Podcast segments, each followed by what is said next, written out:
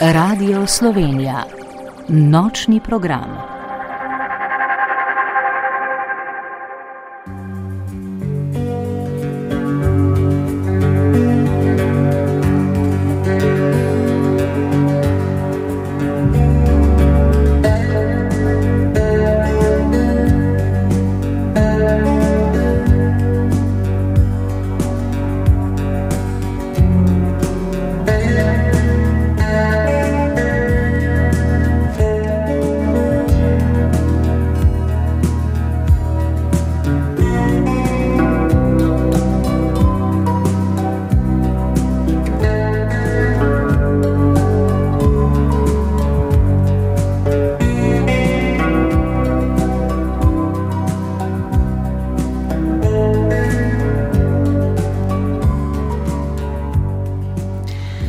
Lepo pozdravljeni, spoštovani poslušalke in poslušalci. Vabljeni v družbo nočnega programa, ki bo tokrat v znamenju vsebin, ki jih Radio Slovenija pripravlja v okviru mednarodnega projekta BR. Eno od poslanstev projekta je razvijanje zvočne umetnosti za najmlajše. S tem namenom je pred nekaj meseci nastalo več zvočnih iger za dojenčke in malčke, med njimi je igra z naslovom Čebljanje, ki sta jo ustvarila zvočna umetnika Irena Pivka in Brane Zorman. Široko razgledana ustvarjalca sta tudi ustanovitelja Zavoda za procesiranje sodobne umetnosti Cona, v okviru katerega ustvarjata intermedijske glasbene in zvočne projekte. O pomenu zvoka in poslušanja ter o nujnosti sobivanja med naravo in vsemi živimi bitji je eno od poslanstev njunega delovanja. Umetnika pozdravljam zdaj v studiu, Irina Pivka, Brane Zorman, dobro večer in dobrodošla v oddaji. Dobro večer. Ja, dobro večer. Za mešalno mizo je nocojtonski mojster Jrnej Pogačnik, pogovor bom vodila Ana Marija Štukal Kuzma. Začenjamo pa z glasbo po izboru glasbenega urednika Mateja Jevniška. Skladba Odprtost Bojane Šalič Podešva, izvajalca pa Nina Vovk in Matevž Bajde. Naša gosta v studiu sta scenografka, arhitektka in zvočna umetnica Irina Pivka ter skladatelj, zvočni umetnik, producent Brane Zorman. Še enkrat lepo pozdravljena. In kot sem omenila že v vodoma, sta skupaj ustanovila Zavod za procesiranje sodobne umetnosti Cona, mislim, da je bilo to leta 2008 se pravi pred 15 leti, gotovo je bila to prelomnica na vajni umetniški poti, s kakšnim namenom ste ga torej ustanovili takrat? V bistvu do takrat sva svoje vem, ustvarjalne aktivnosti uh, prizarjala uh, z različnimi drugimi producenti, oba da so delala v, z različnimi režiserji v gledališčih. In v bistvu je napočil čas, ko smo ugotovili, da bi bilo potrebno, da nekako te najne poti združiva in jih kanalizirava v eno skupno zgodbo, ki bi jo potem lahko bolj udejanila in razširila. In zavod oziroma inštitucija no, na en način, ne, neka pravna oseba, je bila v bistvu neki logičen korak k temu. Uh, neke vrste samostojnosti tudi. Tudi mislim, da je bilo takrat polje nekako zrelo za razvoj teh intermedijsko-zvočnih umetnosti. Kar nekaj umetnikov na našem področju je delovalo, tako da mislim, da danes Zavod Cona v resnici povezuje to vrstno umetnost, umetnost tudi, ki raziskuje polje zvoka, narave, okolja, prostora, pač neka ta intermedijska umetnost eh, to vrstnega področja. Zanimivo, na začetku so se te vsebine predvajale tudi na radijskih frekvencah. Uh mhm. -huh. V bistvu prvi večji projekt, oziroma pravzaprav prvi projekt uh, Zavoda Cona je bil projekt eh, Radio Cona, ki je uh, preko vstopa na FM področje, uh, seveda oddajali oziroma posredovali smo te vsebine tudi preko spleta malce kasneje, ko, bili, ko je bil internet dovolj hiter. Um, in s tem projektom smo v bistvu vstopili v prostor, ki je neviden, je slišen. Uh, in uh, tokom petih, šestih, sedmih let smo ga konstituirali kot prostor za, kot galerijski prostor, ki je v nekem, v domeni nekega javnega dobrega, posredovanja informacij, umetniških del, prosto dostopen, seveda, tako kot radio je, neomejen z tehnologijo oziroma z prenosi podatkov.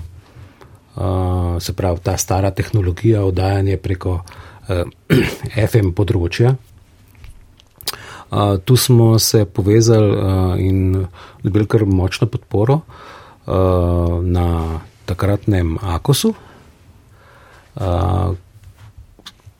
preko katerih smo ugotovili, da je možno sploh uh, legalno stopiti uh, v ta prostor in posredovati te vsebine, ki smo jih potem kurirali z mnogimi domačimi in tujimi uh, umetniki, kustosi. Um, predvsem pa se nam je tam nekje v drugem, tretjem uh, oddajanju uh, vzpostavilo eno vprašanje, oziroma pojavilo se eno vprašanje um, teh prosto dostopnih frekvenc.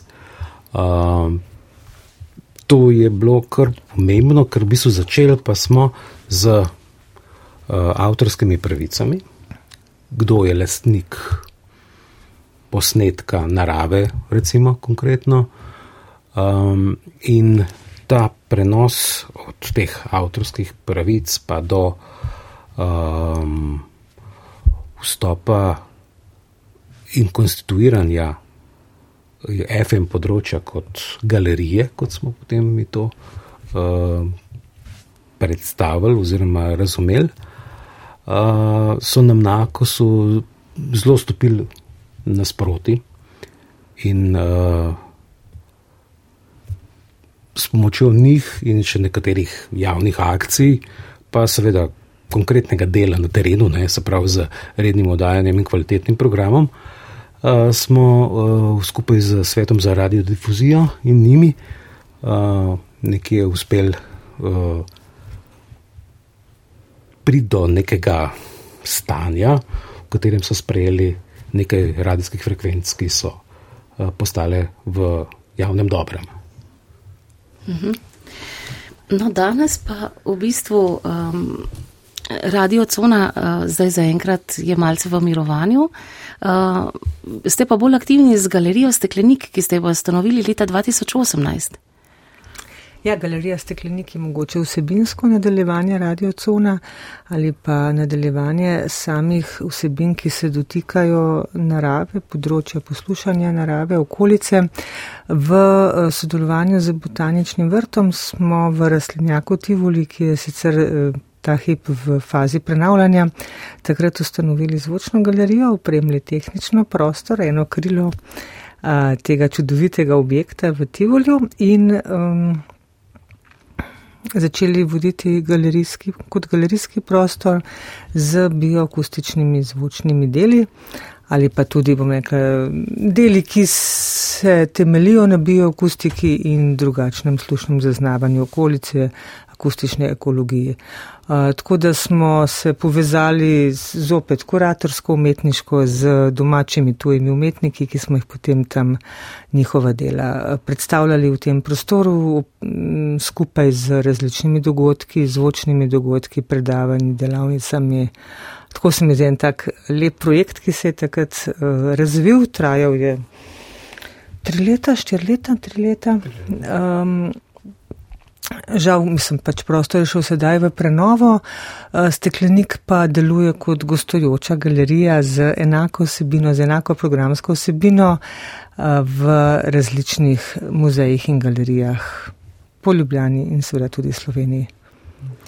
Mogoče sam še en dodatek, no, k temu, v bistvu ta pot od radio, prek radio cone prek te zvočne umetnosti in radijske umetnosti, s katero smo se takrat v tistem obdobju uh, ukvarjali in bili fokusirani, uh, nam je dala neko vrsta tudi uh, mednarodne prepoznavnosti, preko katere smo se povezali z številnimi radijskimi uh, hišami, producenti, tudi velikimi, kot recimo Kunstradio na, v Avstriji, tudi z Radio Slovenija, smo potem pričeli več sodelovati in vzpostavili kar konkretne projekte, ki so bili realizirani tukaj, sploh v okviru projekta Mednarodni dan umetnosti 17.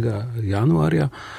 Um, in v bistvu ta lok se je potem nadaljeval, seveda z bolj definiranimi vsebinami, kot je Irina povedala, uh, v stekleniku, v galeriji Steklenik, ki pa je seveda spet ravno zaradi prejšnjih, prejšnjih aktivnosti uh, tudi bila kar zelo obiskana galerija in tudi spletna stran, ki smo jo spostavili, in tudi uh, umetniki iz tujine so se pogosto krat uh, naslavljali na nas svoje ideje in prošnje oziroma projekte oziroma ne vem, sinopsise drafte. Uh mhm. -huh. No, vidva sicer sta pa tudi zelo aktivna kot ustvarjalca raznih um, um, projektov in sicer sta tudi sodelovala, kot smo že omenili v vodoma, um, z Radijem Slovenija pri projektu BR. Skupaj sta ustvarila radijsko igro za dojenčke in malčke z naslovom Čebljanje. Pa morda preden poslušamo odlomek, najprej še povemo, kaj je bilo poetično izhodišče za to igro. Ja, BR je res eno tako en čudovit projekt, ki ga vodite na radiju. In sva bila povabljena preko Saške Rakev, da narediva eno zvočno delo, radijsko igro za dojenčke in malčke. Moram reči, kar precejšen izziv, ko slišiš, ker se da nihče od naju ni ustvarjalec za um, tako majhne otroke tako da sva z veseljem prisluhnila vašim lepim udajam, teoretičnim in poljudno znanstvenim udajam, ki ste jih na to temo že pripravili. Na meni osebno je bilo to eno tako zelo lepo izhodišče. Drugo izhodišče je bilo pa točno delovanje programa Galerije Steklenik, se pravi neka aktivnost, zvočna aktivnost bioakustike, um, poslušanja narave. Se pravi, če se zdaj vrnem, kaj je bilo to poetično izhodišče, ali pa da mu reč, kaj je bilo izhodišče. Uh, izhodišče je bilo na kakšen način otrok začne zvočno komunicirati. Se pravi, zvočna komunikacija otroka, majhnega otroka, malčka in zvočna komunikacija nečloveških živali, okolice, ki lahko prisluhnemo in s katero lahko tudi komuniciramo. In ob temu prepletu uh, se nam je porodila ideja, da v principu gre za zelo podobno zadevo, da ne gre zgolj za verbalno komuniciranje oziroma prenašanje besed, verbalnih besed, ker ta poteka na nekem drugem energetskem nivoju, ampak da gre preprosto za uživanje v ustvarjanju, zvočnem ustvarjanju. In da tako mali otroci, kot da jim temu reči, kot smo videli preko naših eh, umetnikov, ki ustvarjajo za program Galerija Steklenik, je to zvočno ustvarjanje, glasovno ustvarjanje tisto umetniška kapaciteta, no, ki je zanimiva, s katero se splača malo vse poigrati. In mislim, da smo našli v BR-u eno tako zanimivo priliko, kako preko te radijske igre mogoče malce tematizirati to zgodbo. Igra je zamišljena kot sprehod po gozdu ali po travniku za poslušanje pod drevesom ali drugi lokaciji v naravi. Je tako je. Tako? Mhm. Ja. Zdelo se nam je pomembno in mislim, otroci seveda ne zdržijo poslušanja v nekem pasivnem stanju. In hkrati je tudi poslušanje mogoče neko vabilo v aktivnost, poslušanje v okolici, v naravi. Seveda je tudi pri tem staršnik posrednik, pa mogoče se bomo tega dotaknili kasneje, ampak prvenstvo je bilo to, da se ne posluša v pasivni ulogi. Se pravi, da ko otrok nekaj posluša, ni pasiven, ampak je aktiven. Se pravi, da mu reče, da hodi, da ga starš spodbuja k nekemu eh, premikanju ali pa drugačni igri v naravi. Predlagam, da kar poslušamo odlomek in sicer bo to začetek eh, te igre z naslovom Čebljanje.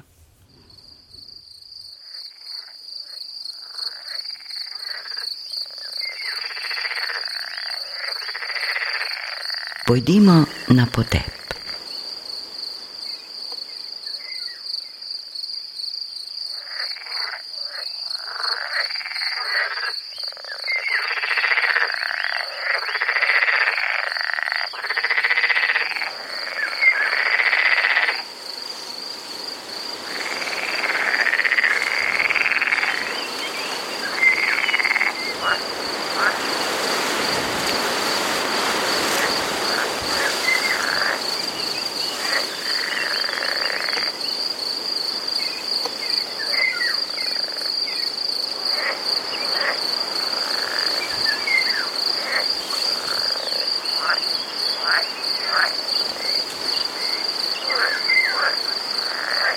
Pojdimo na potep.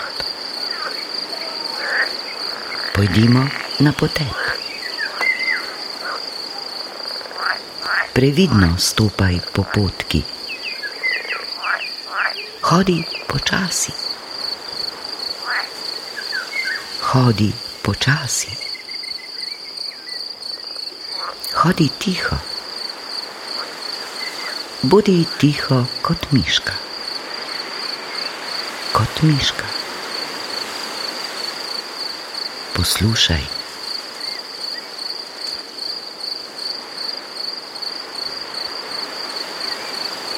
Gozdovi šelestijo. Poslušaj.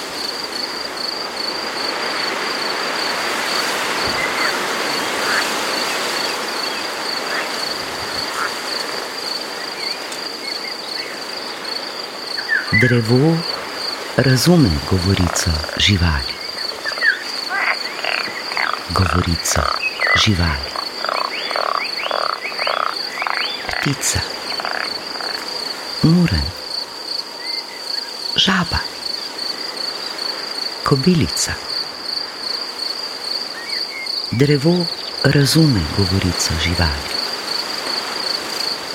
Govorico živali.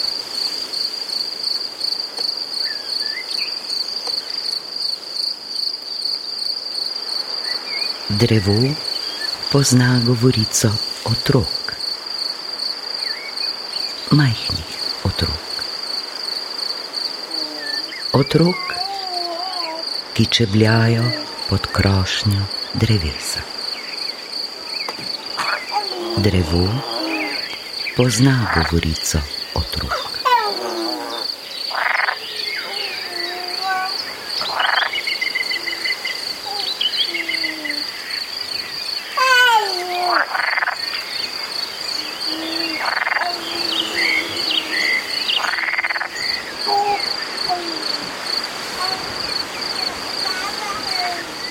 Majhni otroci? Razumejo govorico živali, napev ptice, napev žabe, napev ptice, napev žabe, kobilice, murna majhni otroci razumejo govorico živali.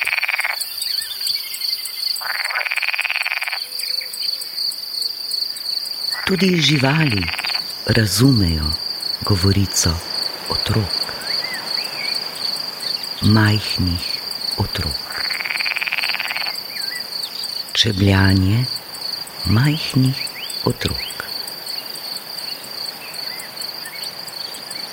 Živali in majhni otroci se lahko pogovarjajo, pojejo skupaj.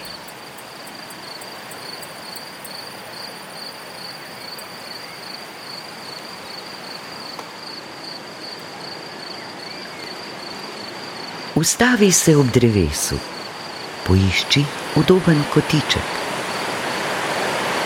Drevo posluša drevo posluša.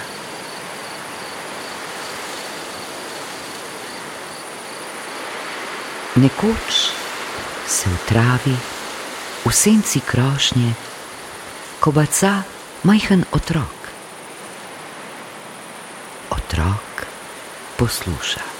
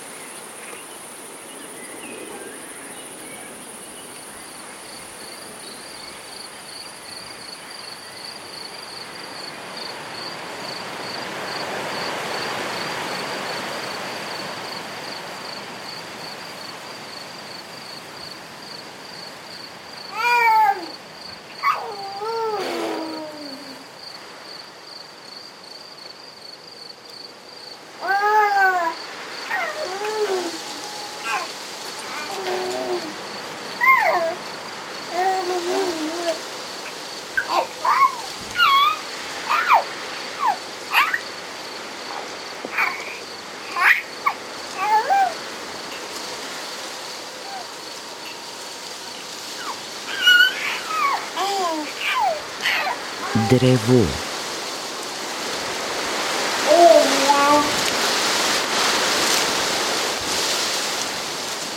Drevo.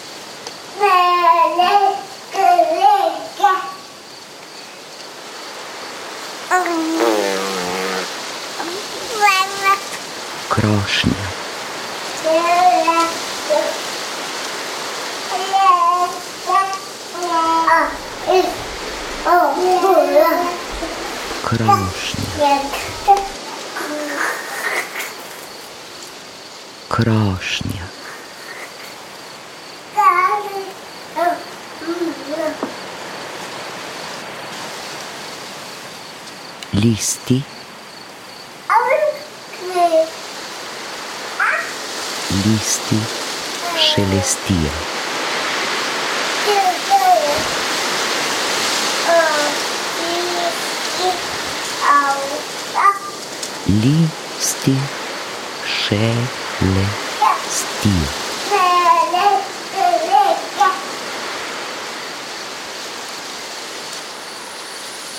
Drevo posluša.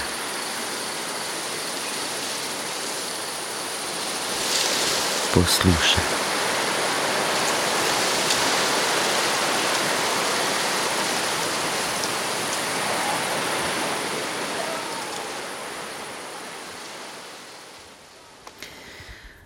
To je bil odlomek iz radijske igre za dojenčke in malčke Čebljanje, ki sta jo ustvarila Irina Pivka in pa Brane Zorma, naša gosta v odaji. Um, in sicer slišali smo, otroci razumejo govorico živali, kaj ne Irina. Res je. To je bilo nekakšno vodilo ali pa izhodišče tega dela, razmišljanje oziroma tudi kar nekaj zgodb ali pa anegdot uh, je na to temo napisanih, kako se majhni otroci in živali in tudi mi dva sva potem nadaljevala z rastlinami, mhm. lahko razumejo, lahko komunicirajo med sebojno in ob ideji, da je ta projekt za BR, se pravi za eh, dojenčke in malčke, seveda potem začneš razmišljati, kako to eh, komunikacijsko oziroma glasbeno ustvarjanje otrok poteka preko možnega razumevanja, možnega sporazumevanja živalmi ali pa z rastlinami. A, tako da to nam je bilo res neko tako osnovno uh, vodilo. Ob temu um, moram reči, da tudi otrok, ki je nastopal v tej igri, oziroma bila sta dva otroka, mm. je veliko prispeval.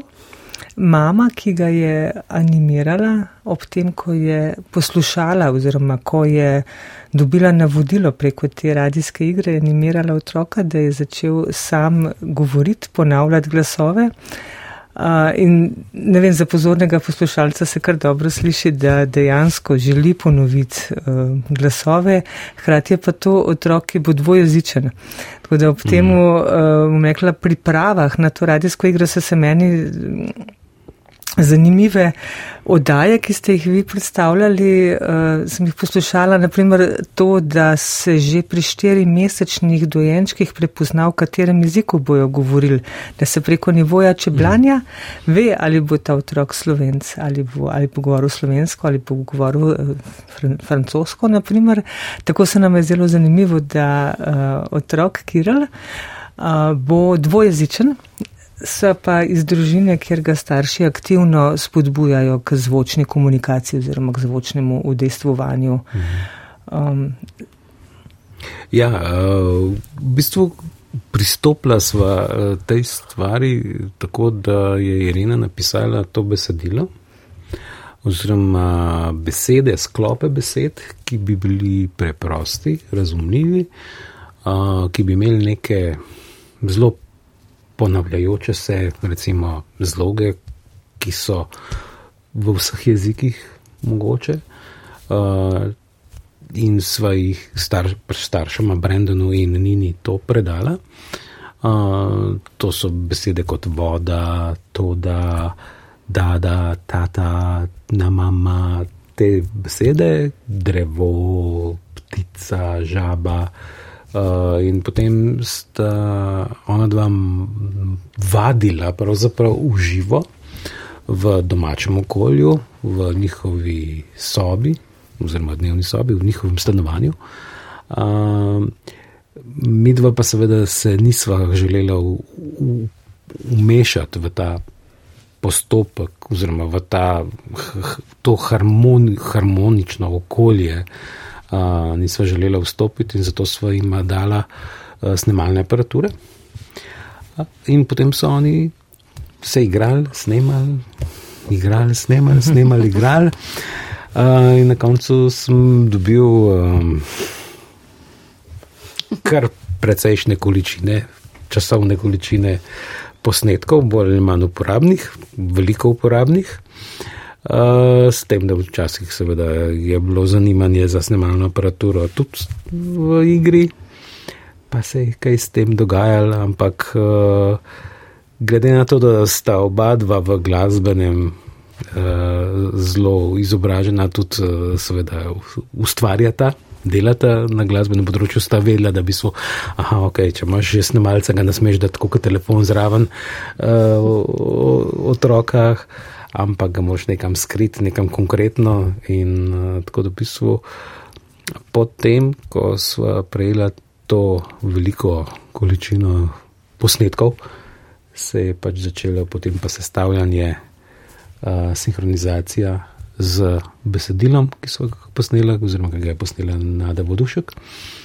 Um, in na to potem pa seveda še podlaga, uh, okolje, se pravi to okolje, v katerem se dogaja ta zgodba, uh, ki se pa tudi sprehaja po v bistvu zelo uh, preprostih poljih, se pravi zvoki so uh, jasni, niso naloženi eden na drugega, ampak se prepletajo največ trije.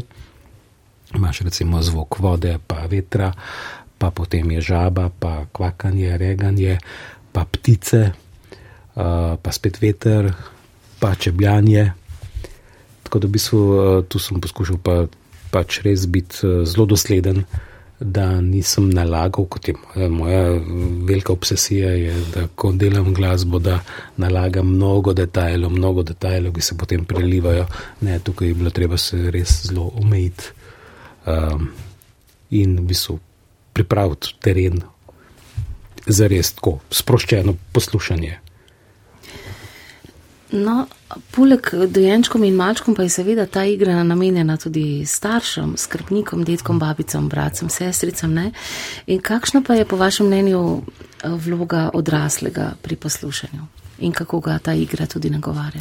Ja, seveda želja najna je, je bila, da se ta igra ne posluša, da ne, da bi otrok sam poslušal to igro, ker pač ne more, ker je premajhen mhm.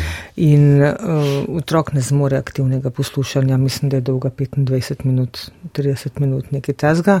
Uh, tako da sva aktivno vključila starša oziroma skrbnika. Uh, starš bi naj bil nekak posredovalec te igre ali pa. Um, Če mogoče, če začnem od začetka, um, starš bi naj, najprej dobil navodila, kako naj se obnaša ob tej igri, nekakšno partituro z nekimi takimi čist preprostimi znaki, kaj naj dela, kako naj se sprehaja ob poslušanju in kako naj animira otroka. Tako da je v resnici starš postane animator uh, tega poslušanja, se pravi, ko se sliši drevo, da se mogoče prime nekaj, neke dele, liste, ljubje.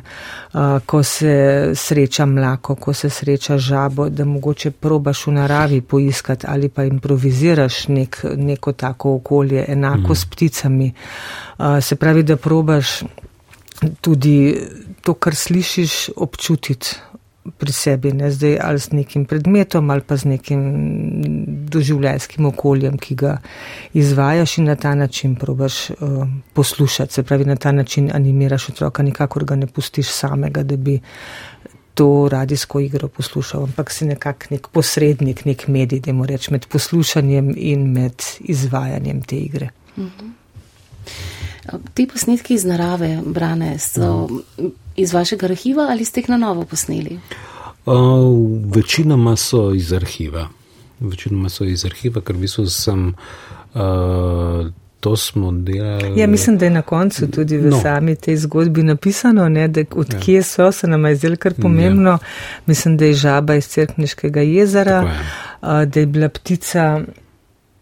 Mislim, da se ne spomnim, treba zelo pogledati, kje je točno napisano in drevo je bilo iz bukovniškega gozda, ker smo enkrat bili, ki je bilo mm. res, so take zelo visoke bukve uh, in je ta veter si ti lahko krasno posnel, ker je bila mm. krošnja visoka, v spodje je bilo umirjeno, mm. zgoraj je bil pa ta zvok vetra zelo ne, jasno slišen. Takoj po prvi teden po uh, zaključku tega lockdowna COVID, COVID-nega eh, in takrat še seveda tudi prometa ni bilo še toliko, ni bilo aktivnosti človeških uh, toliko, tudi v gozdovih ne. Tako da bi so, so bili posnetki zelo, zelo kvalitetno lahko narejeni takrat. Sem tako mim grede. Drugače, v bistvu so bili že vnaprej preposneti. Uh, vokali so bili pa, mislim, glasovi so bili pa pač posneti. Uh, je bilo kar na enih delih mi je bilo težko, ker v bistvu uh, pri teh zadevah je uh, to, kar se mi zdaj pogovarjamo, je studijski zvok. Ne? To, kar poslušalci, poslušalke, da le slišijo, je zvok v studiu.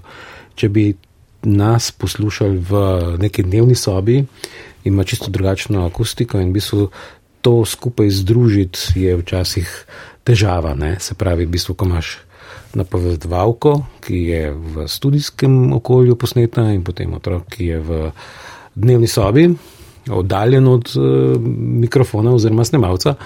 Uh, ja, je bilo treba se kar malo hecati z uh, nastavitvami, pa ekvalizeri, da so se te stvari uh, pokrile. No, mogoče še ta detajl v tej uh, radijski igri se nahaja tudi najna hčerka, posnetki najna hčerke, ko je bila ravno tako, ravno približno toliko stara kot uh, Kiran. Uh, in potem 17 eh, let kasneje, eh, v tem enem bolj zadnjem delu, eh, kjer se pojavi kot vokalistka. Iz katere sem potem naredil še eno. Ja, se nam je zdelo zabavno, strukturo. da si našel sploh ta star zvok, ta star posnetek tega istega glasu, kaj se potem z njim zgodi, lahko 17 let kasneje. Ne, ja. Kako to v bistvu transformirati v eni in isti igri. No? Mislim, to se nam je zdelo uh mhm. -huh. zabavno. Oziroma, ja. Ja, zanimivo. Ja, zanimivo, no? zanimivo tudi to, ker v bistvu sta dva otroka iz čisto drugih sredin uh, z oddaljenostjo teh 17 let, uh, ampak v bistvu govorita pa isto. Oziroma, čebljate enako in uživate v tem čebljanju in uh, razlaganju in uh, razburjanju, navdušenju, jezi, žalosti, vse to, kar pač uh, otroci zelo hitro preskakujejo. Uh, In to zvočno uprizarjajo. Ja, ta želja otrok po z glasbenim izražanjem, zvočnim izražanjem se nam je zdela res pomembna, ker mhm. vsekakor, mislim, da kot sem že rekla na začetku, otrok ima od prvega dne nešteto možnosti za komunikacijo in ne potrebuje besed, da bi komuniciral starši ali pa svojo okolico, ker že itak komunicira.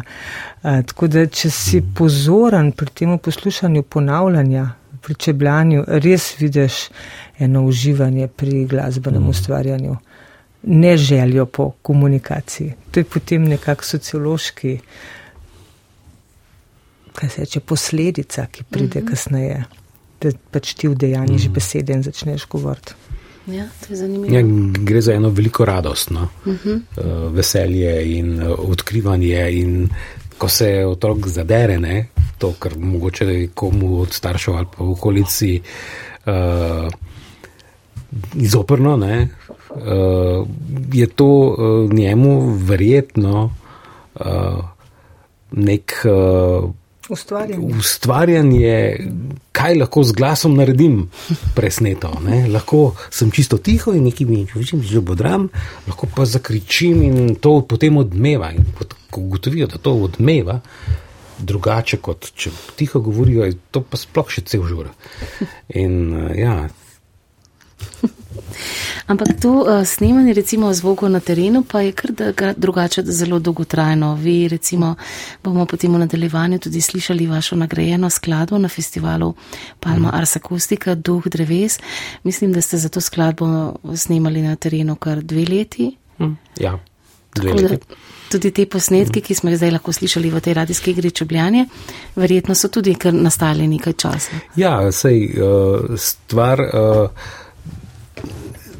Velika razlika, mislim, bistvena razlika med tem, ko snemaš v studiu uh, z nekim inštrumentom, z nekim instrumentalistom ali pa sam, če to, ta inštrument poznaš, oziroma znaš igrati, je uh, v tem, da v bistvu tu ponavljaš, ponavljaš, ponavljaš in dobiš popoln uh, posnetek, uh, oziroma popoln del, in ga potem uporabiš v delu skladbe. Uh, tako kot recimo zlaganje glasov, njih interpretacij, recimo konkretno za čebljanje ali pa kaj drugega. Medtem ko, ko greš snemati v naravo, nikoli ne veš, kaj boš dobil. Uh, greš v gost, oziroma sem šel konkretno v gost ali pa na jezero ali pa uh, uh, vem, na travnike v različnih časih, uh, letnih časih, v različnih urah dneva. Uh, in uh, lahko snemaš ure, ure, ure, pa se nič pretresljivega ne zgodi. Lahko pa uh, snemaš nek ambient, ki je perfekten, pa ne bodi ga treba, uleti nekdo z enim traktorjem mimo. Ne? ali pa letalo, ali pa pet letalov, mislim, pet letal. Uh, in v bistvu, ja, to je zelo uh, dolgotrajen proces, uh, dolgotrajno delo, ki pač uh, ima svoje zakonitosti, svoje pravila in to moraš nekje upoštevati uh, in razumeti, da v bistvu. Um, Čakaš, čakaš, čakaš, snemaš, snemaš, snemaš in potem doma v studiu, oziroma v studiu, eh, editiraš, preposlušavaš, filtriraš določene stvari, ven, delaš prelive enega v drugega, tako da dobiš recimo iz dveh ur 15 minut eh, kvalitetnega posnetka, v katerem se ne opazi. Da v bistvu je bilo eno snemanje ob desetih zjutraj, končalo, mislim, desetih do povdne, končalo se pa ob enih popovdne. V bistvu je čista drugačna scena, uh, drugačna zvočna slika. Ne. Ja, je kar velik dela uh, s tem. Uh -huh. Uh, Irina, vi ste se potem tudi odločili, ne, ko ste pisali ta tekst, um, tudi za glas uh, napovedovalke oziroma uh, ženski glas, ne, uh, ki nekako mogoče asocira tudi na glas matere. Uh, tudi ta vidik je verjetno um, bil pomemben, tudi ko ste poslušali vsa ta predavanja, um, kako recimo malčki dojemajo zvočno umetnost.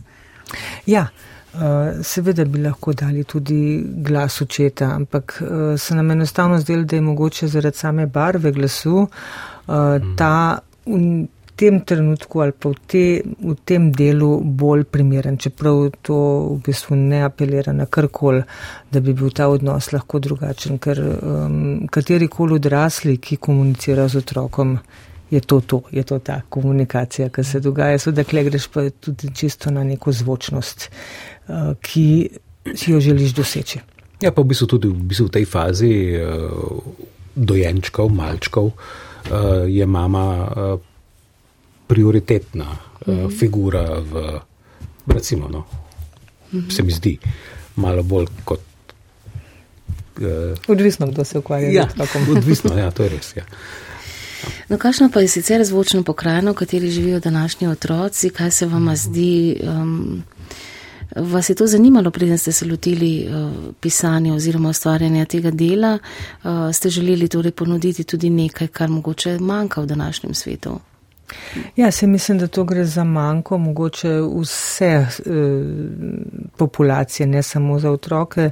Se pravi to, da se sploh lahko koncentriraš na neko poslušanje, da sploh lahko preko poslušanja v današnjem svetu, ki je tako močno vizualen, tako Eh, stimulativno deluje preko vizualnega čuta, eh, da ponudiš neko poudarjeno aktivnost, ki se jo posluša in mogoče na ta način drugače dojemaš svet oziroma ga probaš zaznati preko poslušanja. Mm. Tako da jaz kle ne bi nikti ločila med otroci in odraslimi, ker mislim, da gre za isti, pa ne bom rekla zdaj manjko, ampak za isti.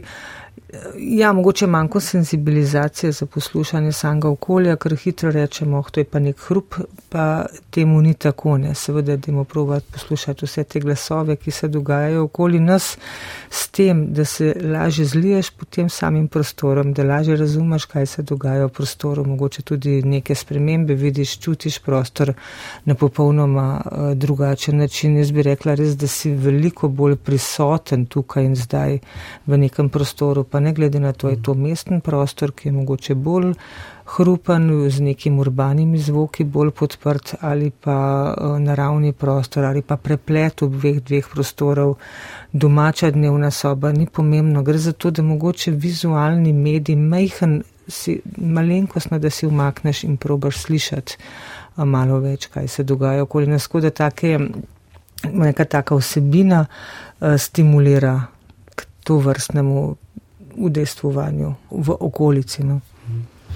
Zdaj bomo slišali še en odlomek iz te radijske igre Čebljanje in sicer bo to bolj proti koncu, ko ste pa, eh, kot ste že omenila, ne, tudi dala vokal vajne hčerke v dramaturškem smislu, kako sta to zasnovala, da pride potem ta vokal.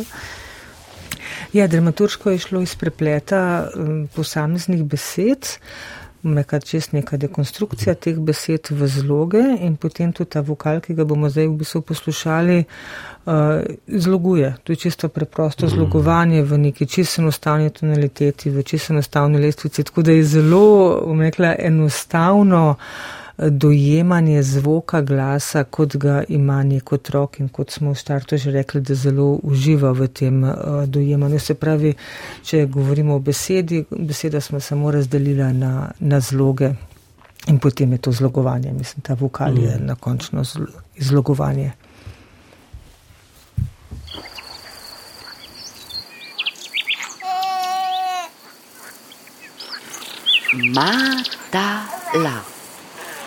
Mata la, mata la,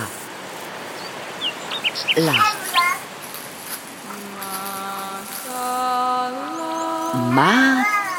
mata la, mata la, mata la, ta ma to. Ta. To.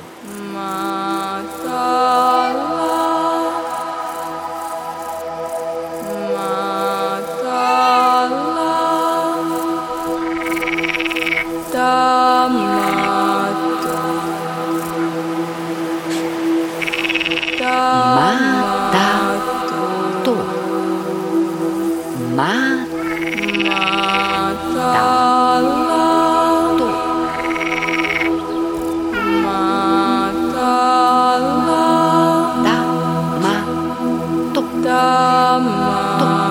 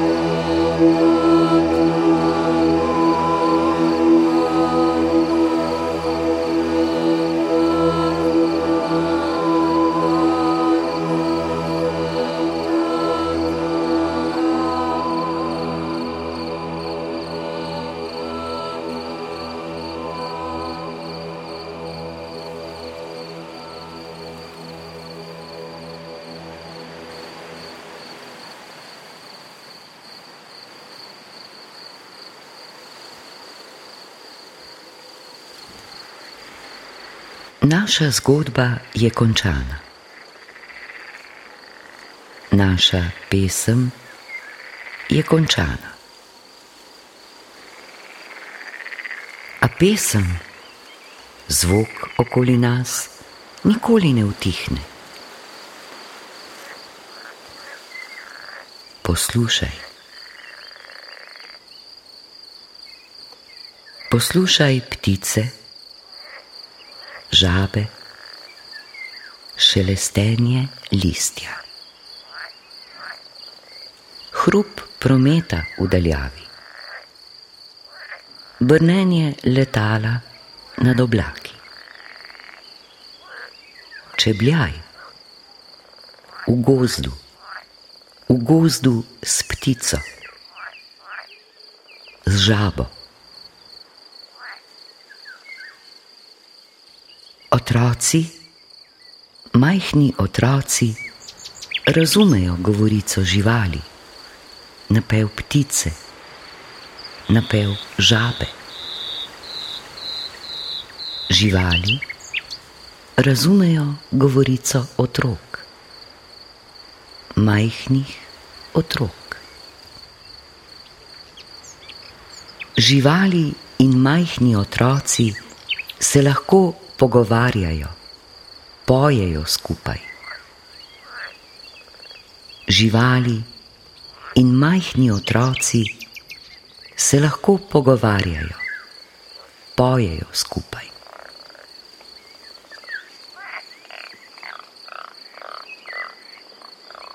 Drevo posluša.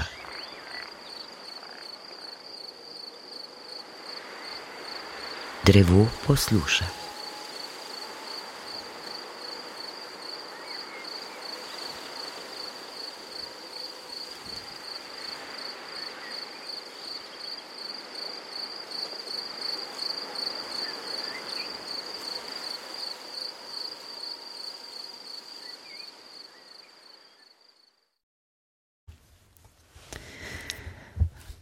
To je bil drugi odlomek iz radijske igre za dojenčke in malčke Čebljanje. Um, Brane in Irena, zdaj, ko ste takole poslušala z malce časovne distance, ko sta ustvarila to delo, um, sta se lepo počutila. Eh, posebej je lepo poslušati tukaj v vašem studiu ker imate odlično zvočno upremljeno. Mm -hmm. A, tako da ja, lepo smo se počutili, delo je nastalo, mislim, da poleti letos, uh, septembra je bilo prvič predvajano, lansko leto, mm. septembra je bilo prvič predvajano na radijskih frekvencah pri vas, potem se je zelo hitro prevedlo v italijanščino, je bilo predvajano v živo na italijanskem festivalu, mislim, da govorimo oktobra, novembra. Um, v takrat imamo ene take čudovite posnetke, ker so družine dobile radijske spremnike in so po nekem področju trave, gozda uh, v tistem kraju, parku. kjer je bil ta festival v parku, ja, mm. so poslušali to. Uh, sedaj bo pa tudi na festivalu Bobri. Mislim, da če 14 dni se bo začel v elektrarni, kjer bo, če se prav vem, cel dan posvečen radijski igri za otroke in malčke. Tako da moram reči, da se kar veselim, kako bo ta uprizoritev tam zgledala. Uh mhm. -huh.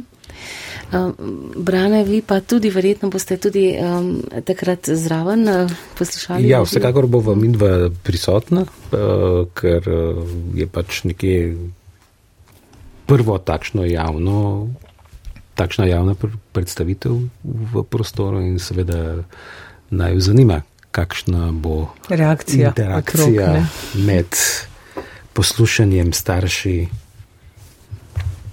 kako bodo te tako. energije tekle. Malce več o vajnem ustvarjanju bomo povedali še po naših poročilih o penih, tako da uh, vabljeni k poslušanju še naprej. Prvi program Radia Slovenija.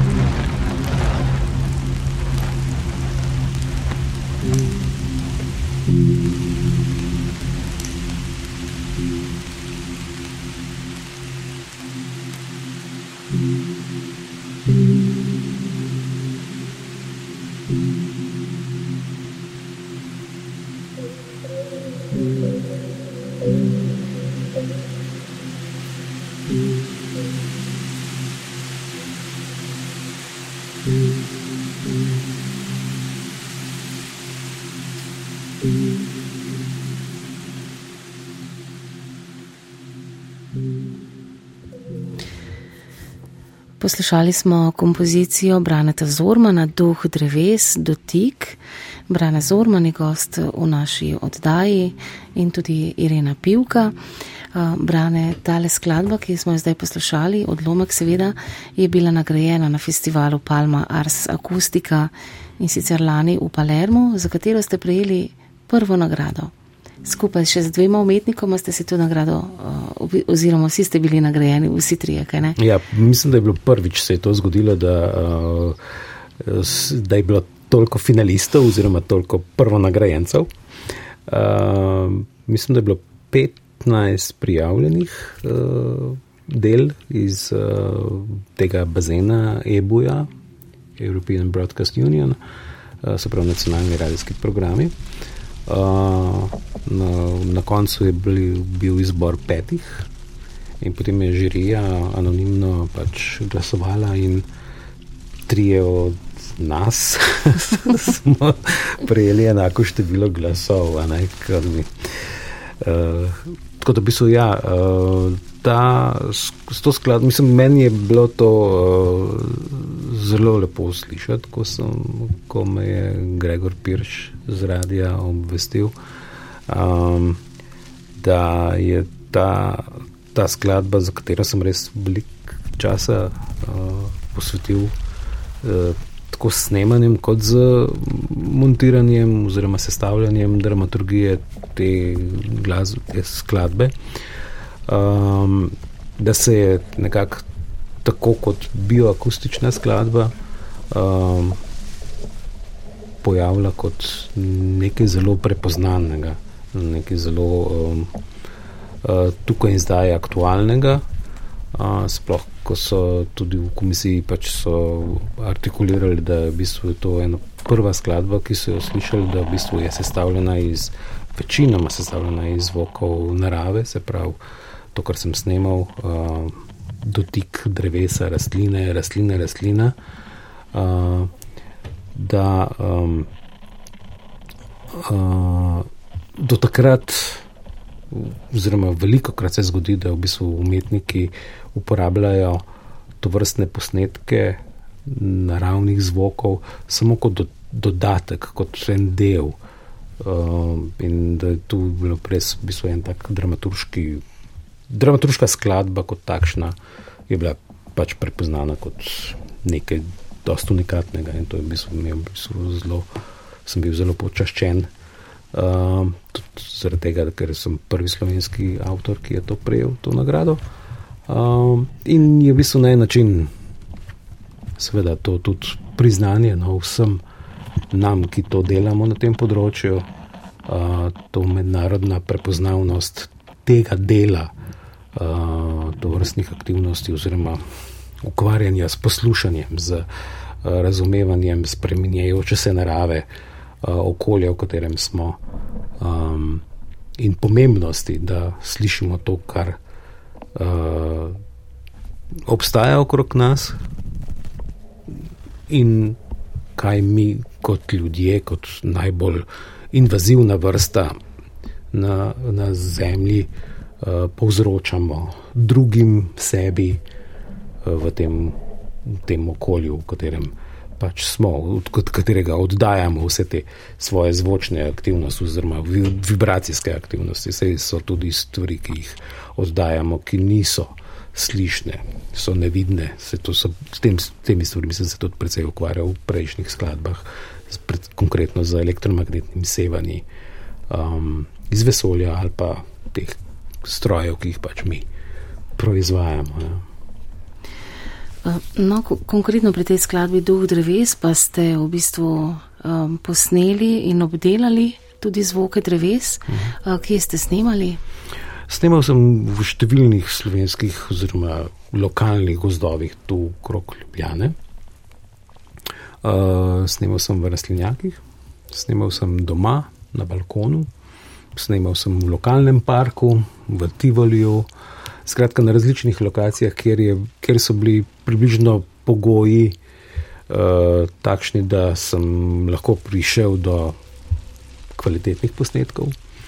Uh, seveda, kot sem že prej na začetku enkrat omenil, da mislim, to je res dolgotrajen proces, uh, ogromno materijala posnameš in potem moraš seveda to prečistiti, preposlušati, najti stvari, ki so ustrezne tudi in potem iz tega sem naredil to skladbo. V bistvu je bilo to uh, pomembno, da uh, sem se ukvarjal z tem dotikom, ne? se pravi to, kar je pod naslov te skladbe, recimo, uh, je ta dotik bistven, um, ta odnos človek, živo bitje v obliki rastline, uh, ki ima vse te številne zvočnosti uh, v sebi, od iglic do vejc, vej, drevesnih, velikih debel, korenin, listja.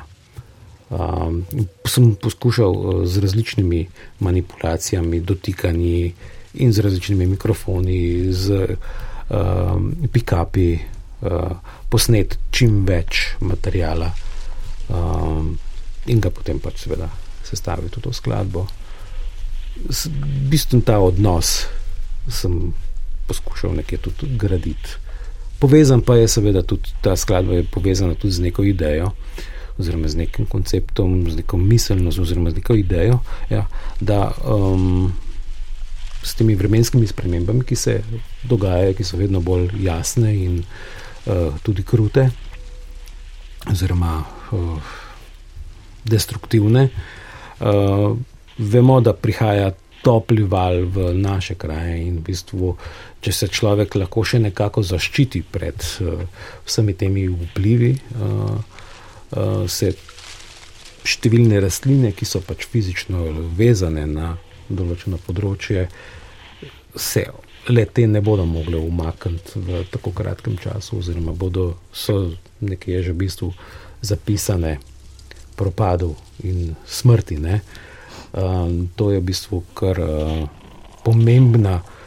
Da se pomembno, da se tega zavedamo, da v bistvu uh, to prehajanje toplih valov, ki se nam obeta, ta topli pas, bo seveda s pomankanjem rastlin tudi nam veliko oduzelo. In um, ravno to verjetno boste tudi um, nekako predstavili v svoji kompoziciji naslednji, se ta duh dreves se potem nadaljuje še. Uh, v bistvu, ja. Uh, Zdaj sem vse te skladbe, oziroma te daljše skladbe, ki so tam 20, 25, 40 minut dolge, uh, sem jih peljal v večjih epizodah skozi različne faze, in tudi ta se bo uh, dogajala uh, z prehodom v notranjost, v prehodom v podzemlje, z prehodom v komunikacijo z ostalimi rastlinskimi biti, tudi živalskimi, seveda, so vsi povezani med seboj. Tam je pravi magični svet. Ja. Um, bioakustična umetnost tudi vas zanima, Irina Pivka. Kaj mogoče nam malce poveste, kako jo vi dojemate, oziroma kaj eh, sploh zajema vse to? Ja, bioakustika je prvenstveno eh, znanstveni termin, se pravi, to je proučevanje, ne mogo reči entitet, rastlin, živali preko zvočnih impulzov. Uh, umetnost je pa potem to seveda to, bom rekel, to urodje uh, prijela v svoje roke in iz tega začela potem uh, ustvarjati skladbe, zvočna dela, tudi zvočne sprehode, intermedijske um, projekte. Uh, Eh, tako da seveda zdaj, uh, če govorimo o bioakustiki kot zgolj rekla, neke zvoke rastlin, živali, jih lahko zelo hitro razširimo tudi na zvok krajine, uh, kar mislim, da enako spada v področje bioakustike, v neke prostorske zvoke, v prostorske zgodbe. Eh, se pravi prisluškovanje krajine, prisluškovanje spremembam prostora, ki jih lahko zaznamo preko poslušanja. Eh, to je mogoče tisti del bioakustike, ki mene osebno najbolj zanima, ki se potem tudi spogleda z akustično ekologijo, če se tem terminom tako pravilno imenuje. Eh, tako da nek ta spoj, bom rekla, poslušanja krajin prostorov. Seveda, vi kot scenografka in arhitektka, ne ste vi po profesiji, ne, tako da vas to seveda najbolj zanima, ne, kaj ne. A, imate kakšen projekt zdaj v, v delu, tudi vi, um, mogoče prav v polju te bioakustike? Mislim, zdaj pripravljava uh, skupaj dva nova zvočna sprehoda. Uh, en je narejen za park v Štrasburu, gre za evropski projekt ja. v Štrasburgu. Ja. Mhm. Uh, tam brane se tudi ti razvijaš neke posebne slušalke. En del smo jih že razvili, en del še naprej, ampak um, gre za projekt oziroma za delo o prisluškovanju rastlin in hkrati tudi uh, razmišljanju o premikanju rastlin, o premikanju rastlin per se samih za sebe, kako.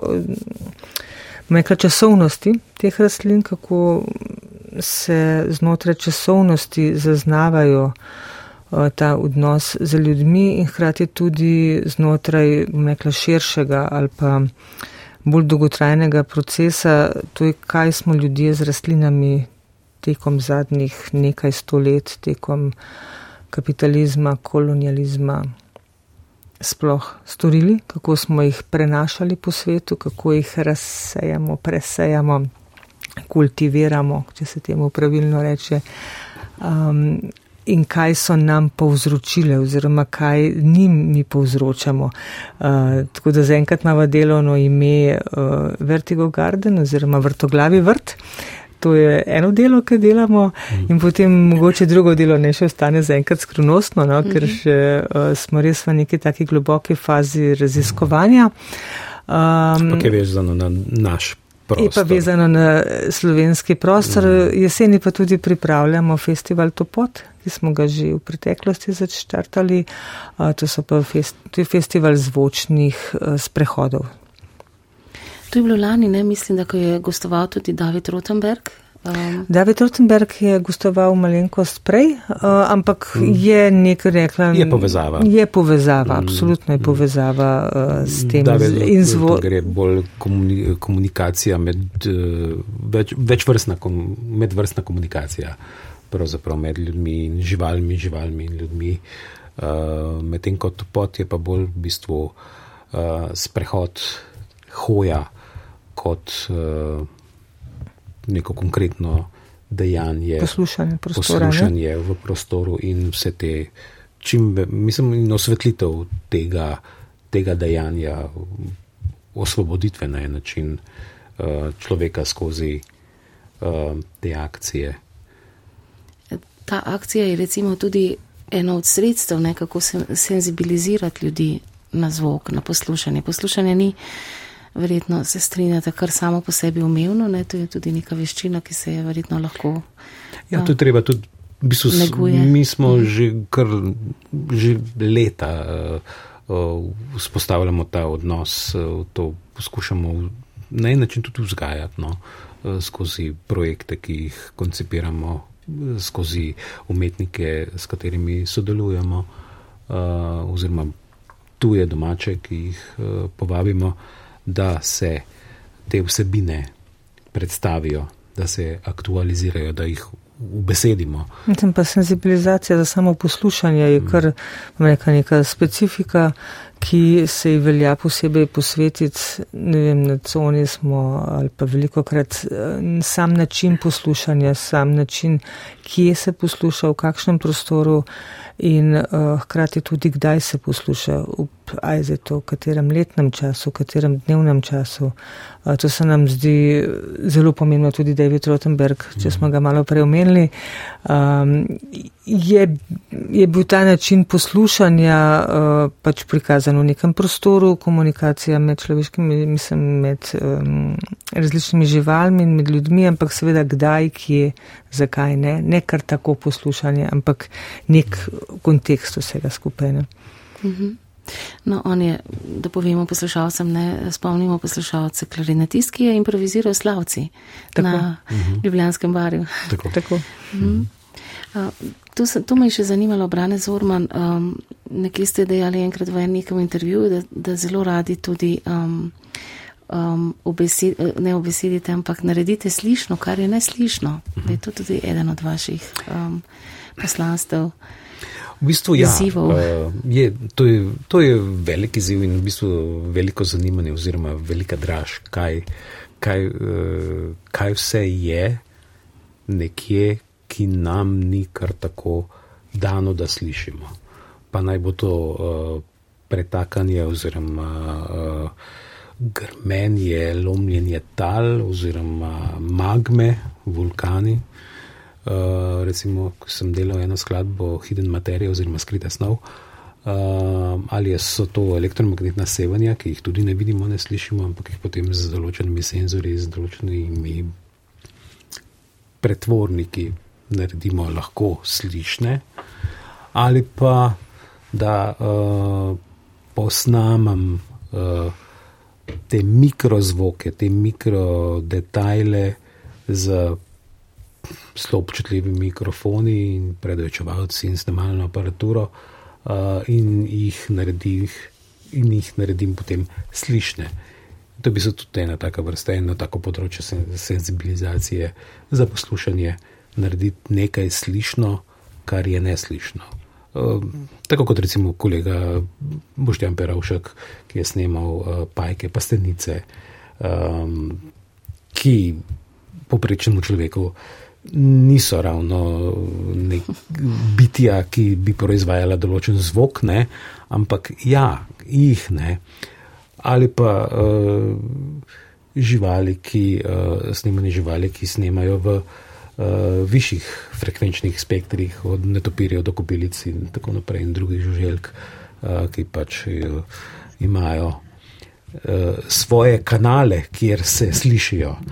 Uh, ker v tem frekvenčnem področju, kjer, kjer smo mi doma, se pravi nekje, kar mi slišimo s svojimi ušesi, uh, je kar gosto. Zato, zato so morali nekateri migrirati v druge spektre. In to je zanimivo, no? slišati to, kar se ne sliši kar tako, samo od sebe. Um, tudi vi, Rena Pivka, ste zapisali v tej radijski igri, ki smo jo poslušali, zvok okoli nas nikoli ne utihne drevo posluša. Ja, drevo posluša. A, drevo posluša ta zvok, ki ga v bistvu pač oči lahko zapremo v šesa. Ne moramo nikoli si dovolj utišati, da ne bi slišali. Um, Slišimo same sebe. Ja, slišimo same sebe. Ne. Drevo pa je tista mekla časovna, uh, rastline ima pa polno drugačno časovnost in to je ta mm. mogoče zanimivost, ki ga preko um, kar nekaj del, ki smo zvočnih sprehodov, ki smo jih naredili, ne vem, vrt pionirk, peskovnik, potem zdaj uh, ta vrtoglavi vrt. Um, razmišljanje o časovnosti rastlin, na kakšen način rastlina sobiva v prostoru, posluša ta prostor, eh, kako, kaj se mi lahko od rastlin v bistvu naučimo, kako ji lahko prisluhnemo. Ne? Tudi ta, bom rekla, prisluh rastlin te mogoče lahko popelje na neko energetsko področje določenih biti.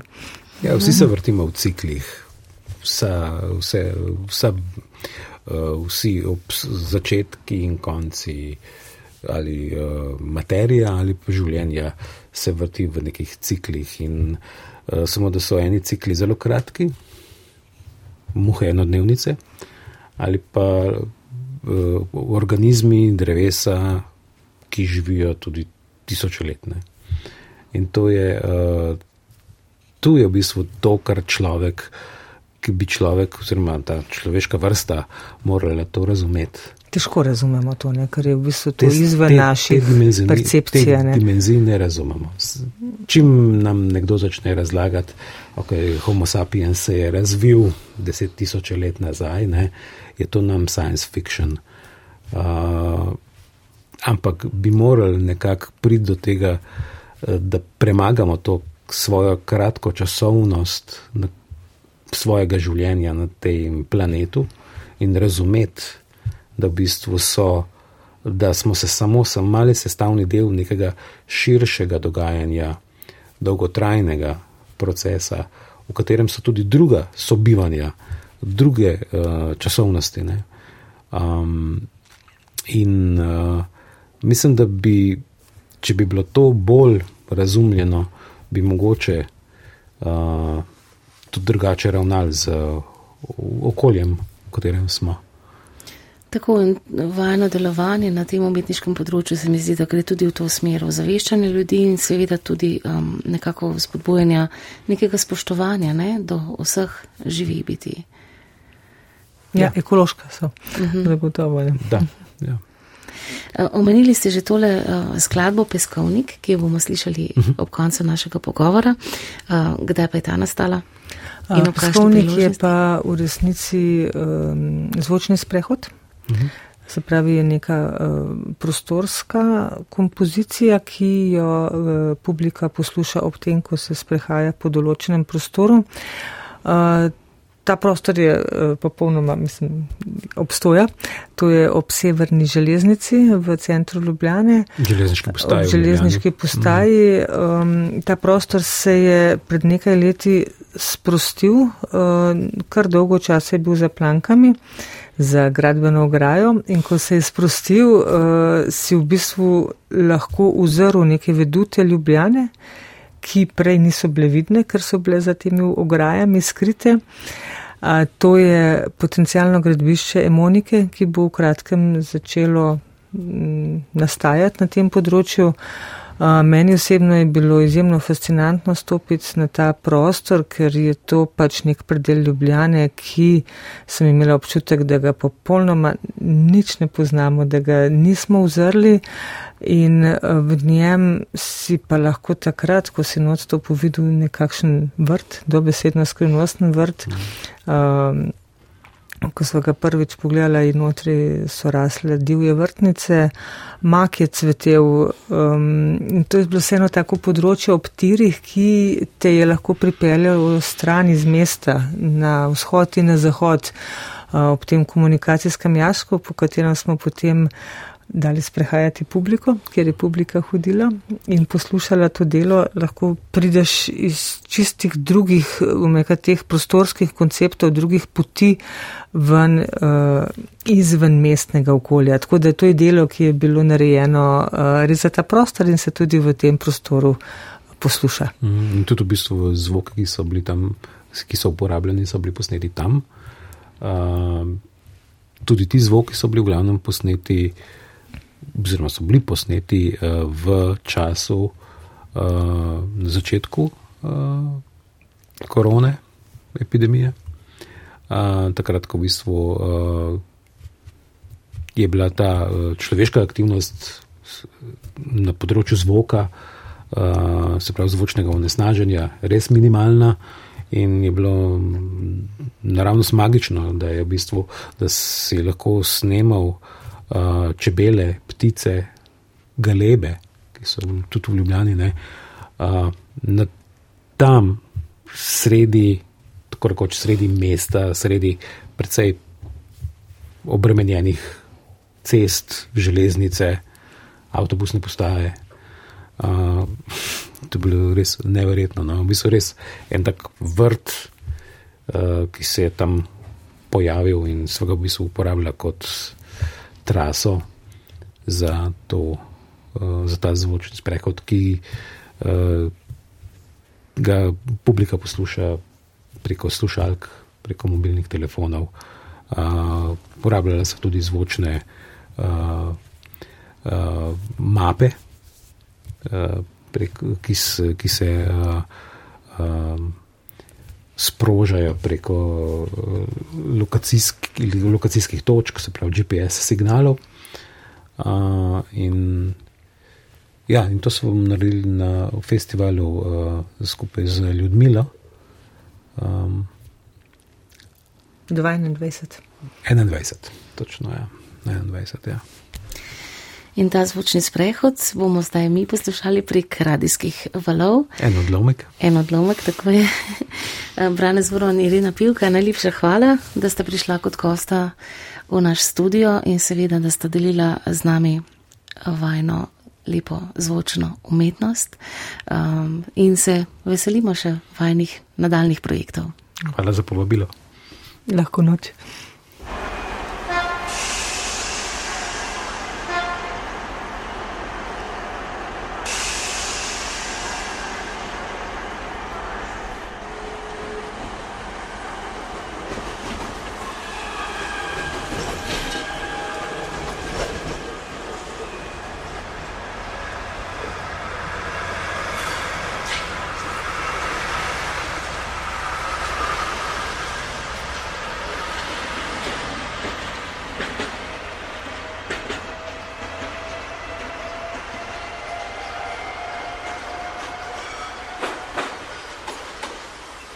Hodim ob tirih, ob glavni železniški postaji. Hodim po javnem prostoru, hodim po privatnem prostoru, po prostoru konflikta. Hodim ob tirih, hodim ob tirih, hodim ob tirih, hodim ob tirih, ob tirih, ob tirih, ob tirih, ob tirih, tirih hodim ob tirih, tirih, hodim ob tirih, hodim ob tirih. Hodim po degradiranem urbanem prostoru, nezmožnem dialoga. Hodim po komunikacijskem jašku tirov, koraki, signali, valovanje, nihanje. Hodim ob tirih, proti zahodu, ob tirih, proti odmiku ob tirih, tirih, hodim ob tirih, tirih, hodim ob tirih, hodim ob tirih, hodim ob tirih, hodim ob tirih, hodim ob tirih. Čas po ustavljenem javnem življenju, slišen kot debela plas konstantnega hrupa. Čas po predahu v brumu, čas po ustavljenem hrumu, čas po pauzi planet brez tišine. Hrup se vrača, hrup se vrača, se vrača, se vrača, se vrača, se vrača. Hrup se vrača, hrup se vrača.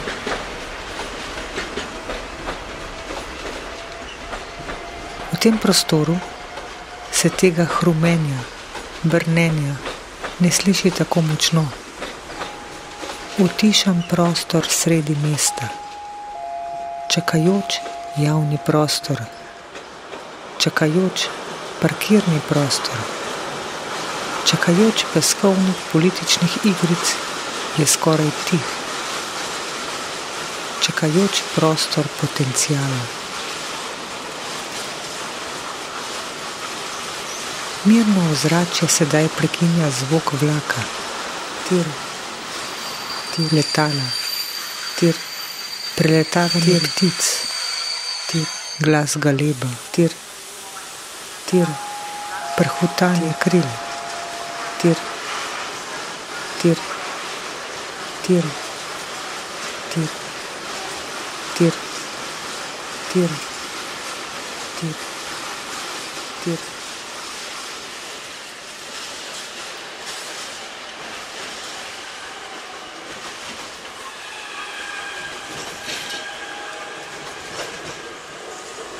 Med akacijami je v začetku maja cvetela divja vrtnica. Bilo je prazno in tiho. Občutek za odmaknjenost.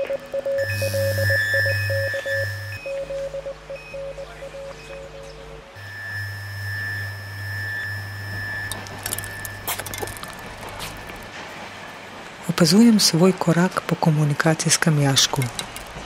Oska ravna linija, ki se vije ob tirih. Prisluškujem betonski zven svojega koraka. Po jašku.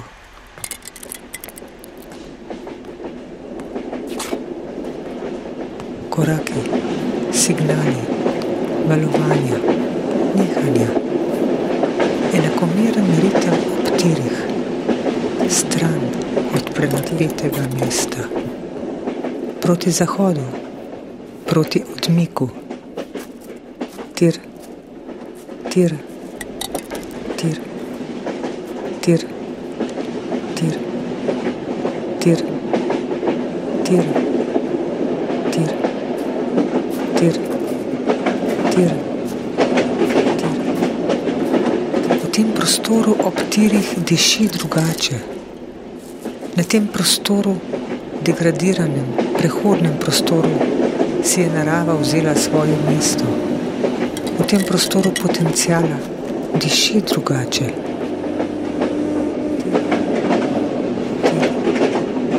Tir, tir, tir, tir, tir, tir, tir, tir. tir.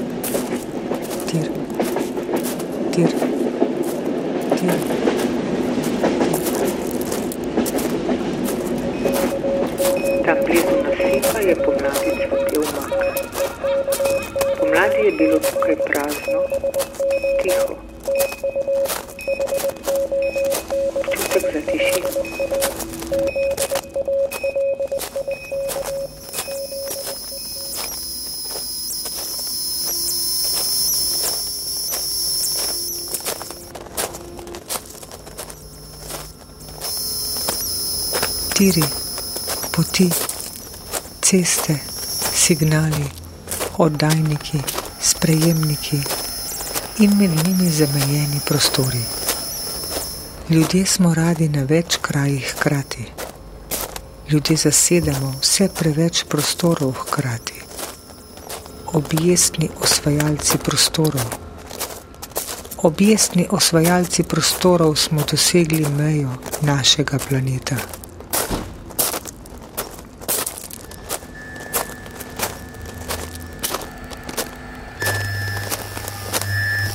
Pozabili smo na občutljivost za bližnjo krajino, pozabili na čas, da prostor prehodimo, da horizont pogledamo, da ozrače poslušamo, da okolje občutimo.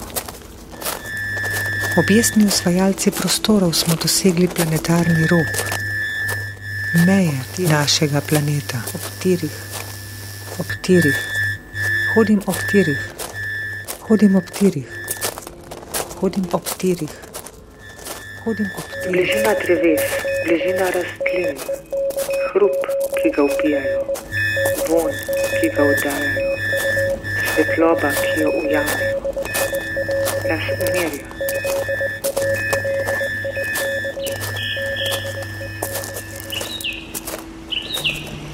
Hodim po peskovniku v centru mesta po parkirišču nezmožnega dialoga. Čakajoč, prostran prostor ponuja razgled na mestne vedute, na stolpe moči in prestiže.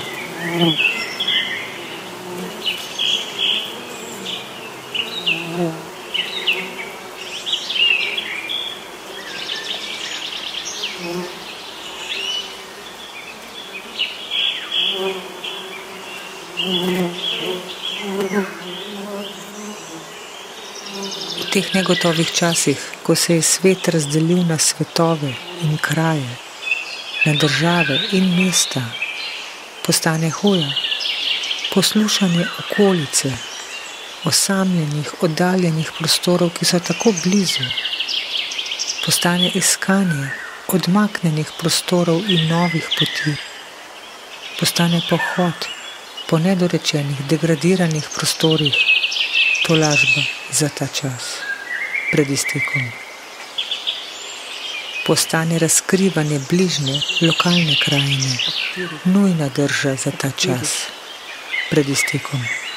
Hodim ob tirih, hodim ob tirih, hodim ob tirih, ob tirih, tirih, tirih, ob tirih, ob tirih, ob tirih, ob tirih, ob tirih, ob tirih.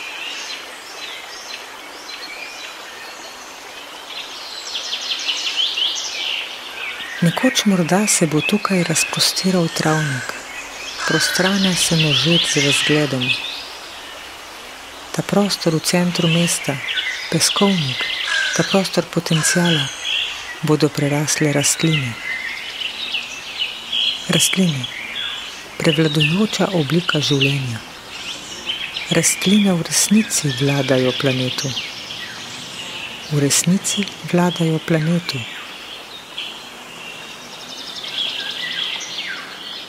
Nekoč morda bo na tem degradiranem kraju zeleno področje, prostrana se nožet z razgledom. Drevesa bodo prekrila odprto viduto mesta, nedorečen, čakajoč prostor bo mehčala travnata pokrajina.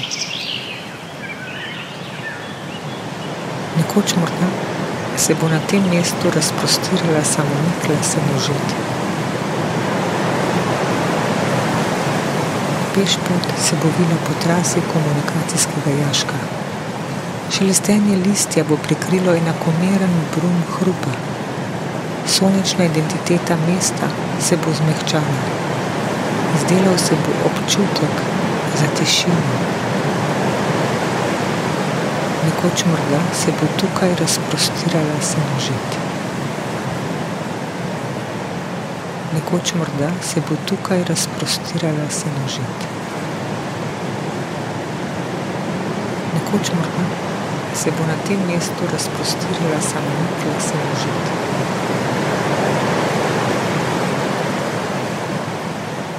Nekoč morda se bo tukaj razprostirala senožit.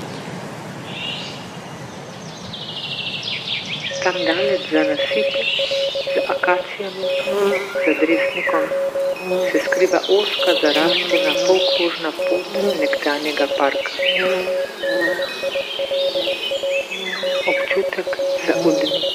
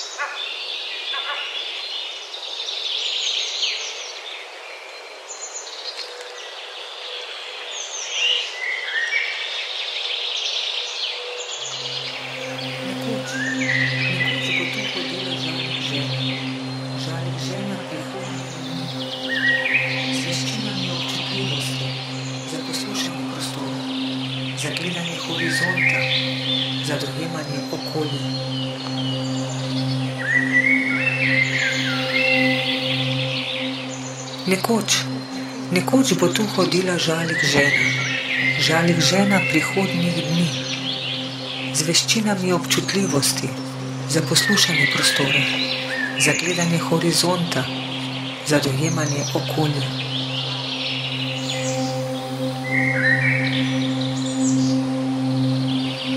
Nekoč, nekoč bo tu hodila žalik žena, žalik žena prihodnjih dni. Hojo bo uporabljala kot instrument za poslušanje okolice, za gledanje prostora, za zaznavanje narave, za vez z okoljem.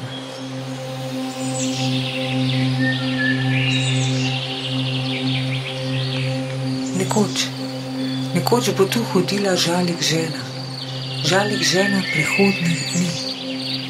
delila bo občutljivost za sobivanje, skrajno, z rastlinami, s prenaseljeno, umirajočo vrsto.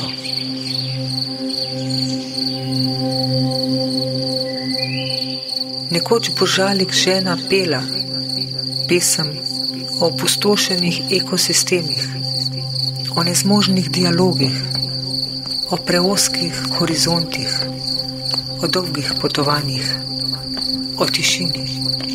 Pesem o robu planeta, pesem o robu našega planeta.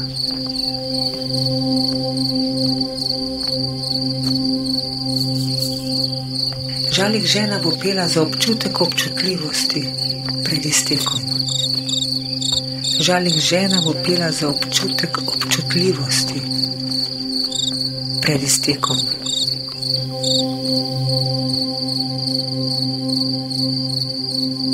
Nekoč bo tu hodila žalik žena, po tem prostoru, po samozniklem vrtu prihodnih dni, po spominu, po pieteti, med rastlinami, po travniku, po gosto zaraslem vrtu prihodnih dni. V tem vrtu bo poslušala murne. V tem vrtu bo poslušala noč.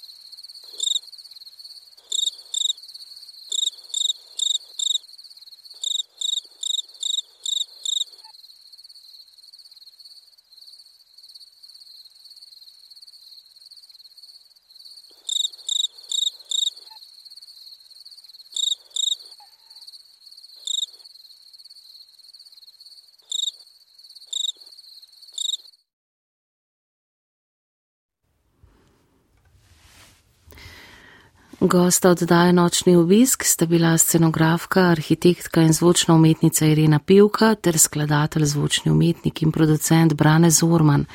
Zvočno je oddajo oblikoval Jernej Pogačnik, pogovor sem vodila Ana Marija Štukal Kuzma. Oddaja je del projekta BR, v katerem Radio Slovenija v sodelovanju z osmimi mednarodnimi partnerji razmišlja o vlogi in vplivih zvoka na človeka, da bi v tesnem sodelovanju umetnikov in strokovnjakov z različnih področji nastale nove radiofonske in glasbene vsebine za najmlajše in ranljive skupine. Vsebine iz projekta BR sofinancira ustvarjalna Evropa.